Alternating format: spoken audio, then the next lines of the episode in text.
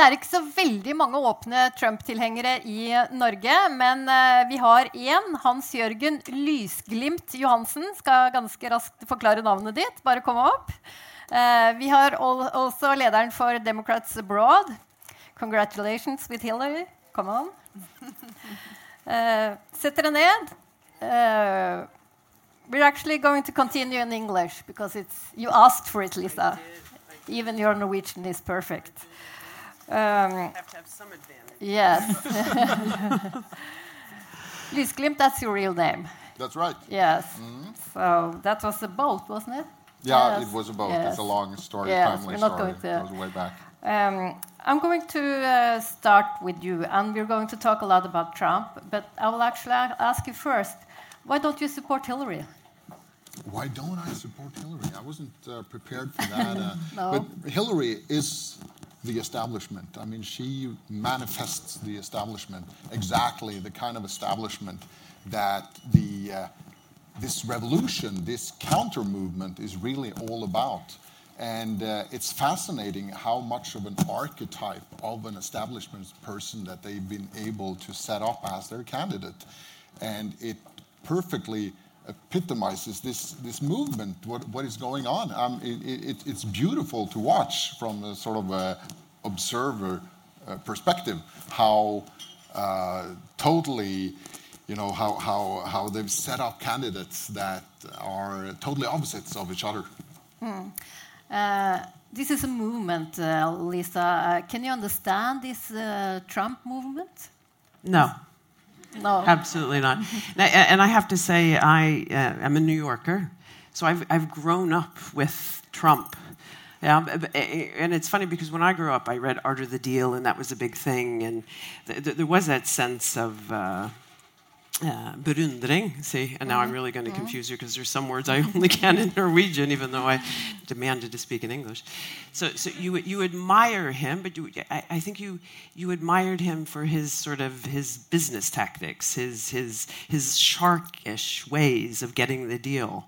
When it comes into politics, for me, it, it, it doesn't work. It, it, it doesn't work at all but at the same time, it's it's demotivated me extremely to follow politics. I mean, I've been following this with these guys for for what now ten years, and and and this year listening to Trump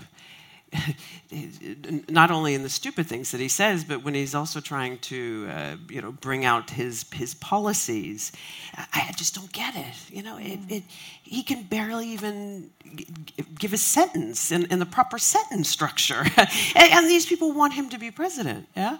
Yeah, but then again, I've been here. I've been in Norway for 27 years, and, and I know through the statistics and, and you know and through the politics that I've uh, been following that there is a tremendous squeeze on the middle class. There's a lot of people that aren't happy, yeah?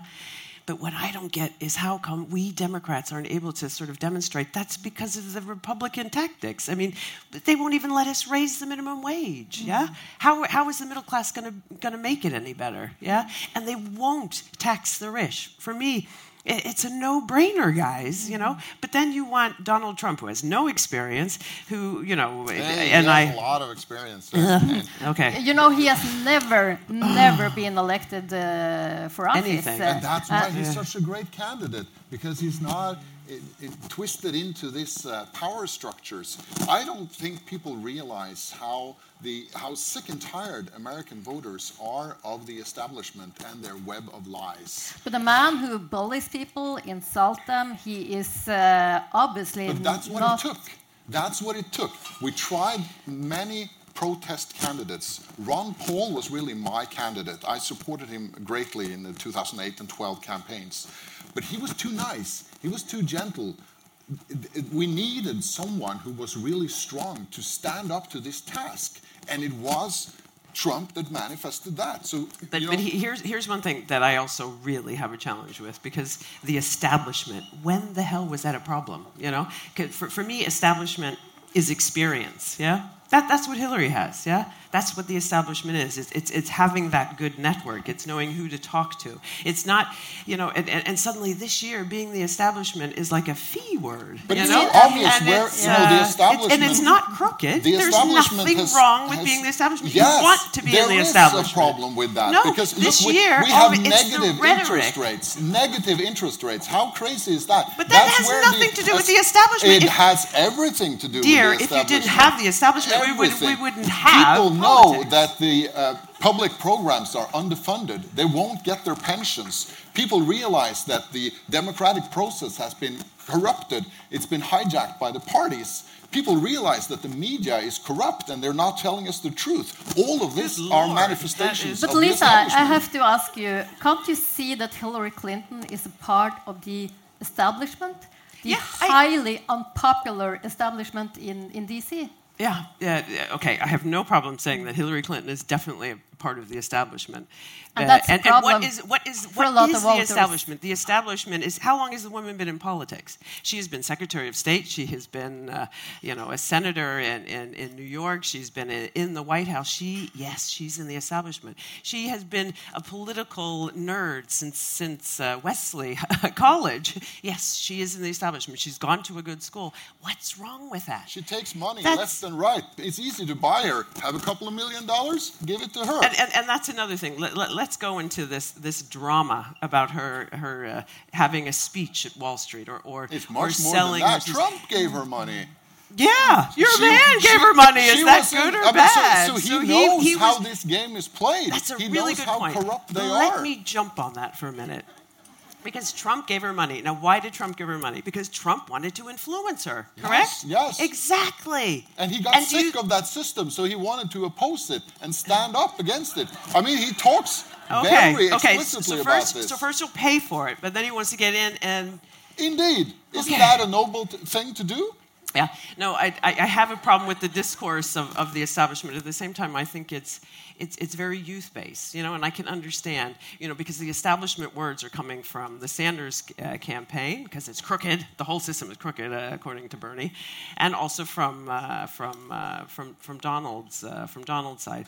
And, and I think it's, it's, to be perfectly honest, a little bit, bit of an immature forestilling of, uh, of what politics really is, you know, because we need the establishment, okay?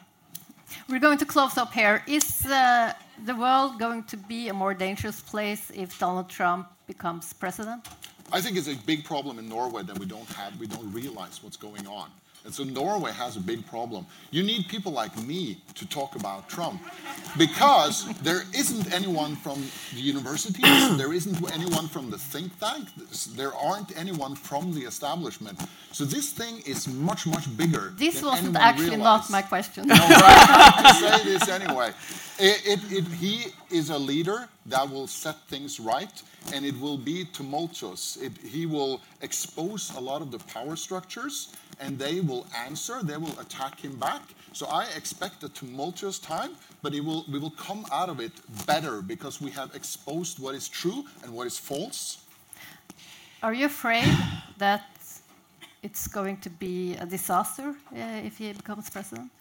You know, and uh, who, who watched the John Axelrod, Jon Stewart interview? Because I think he had the best quote. Because he said, uh, you know, a lot of people are saying, "Oh, if Trump gets to be president, I'll leave the country," or, or and uh, Jon Stewart said, "I'll leave the planet."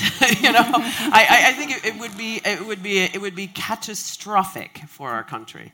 I, I think it's already, you know, the, the things that he said is already starting to damage us. You know, South Korea is starting to wonder, what is this about nuclear weapons? This man has said on TV. Um, you know, let's talk about Muslims. You know, we need uh, to be able to forge uh, to forge good alliances. Uh, uh, it, it, it, I, I don't really know if I need to say much more, but I, I don't think we'll really get very far. Det blir siste ordet.